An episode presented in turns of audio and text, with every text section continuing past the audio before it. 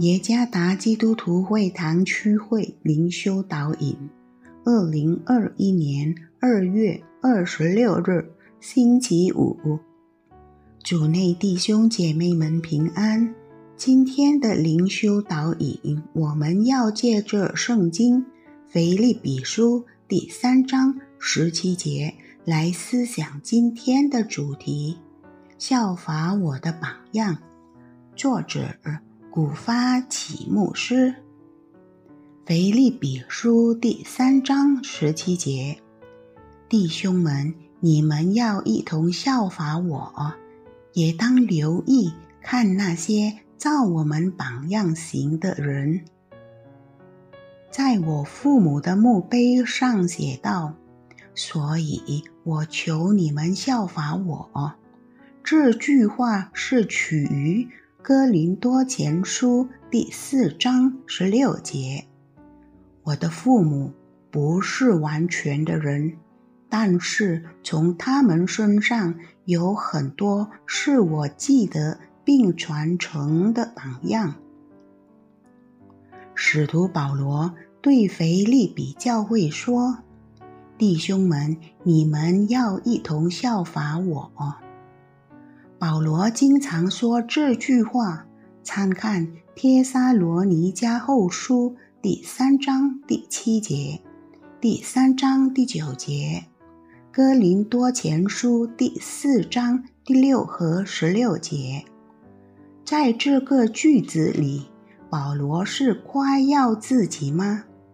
当然不是。保罗想强调一些基督徒必须思考的重要事情。第一点，每个人都有责任效法那些灵性良好的人。我们需要注意他们的生活和侍奉的方式，这种榜样必须传承下去。第二点。每个人都有责任成为他人的榜样。虽然有了那些近前人的榜样可以效法，但主要参考的生活榜样仍然是基督。保罗说他效法基督的榜样。